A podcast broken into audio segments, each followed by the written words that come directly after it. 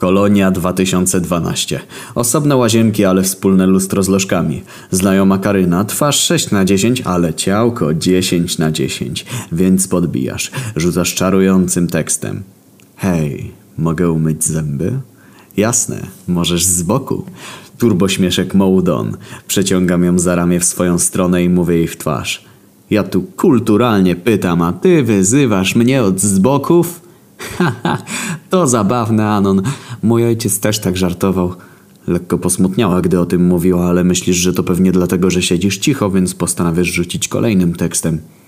Ej, chyba znam twojego ojca. O tak, Anon, więc nie pozwalasz jej dokończyć. Nie słuchasz jej i dodajesz szybko. To ten, co jak walił konia, to dostał pierdolca? Anon, mój tata nie żyje. Nie wiesz, co powiedzieć. Patrzycie sobie w oczy przez chwilę. Widzisz w jej błękitnych oczach łzy. Nerwy podziałały, otwierasz tubkę z pastą, wylewasz jej szybko na twarz, następnie rzucasz tubkę na ziemię, wyobrażasz sobie, że to granat dymny i ona nie będzie widzieć jak uciekasz. Niestety widziała.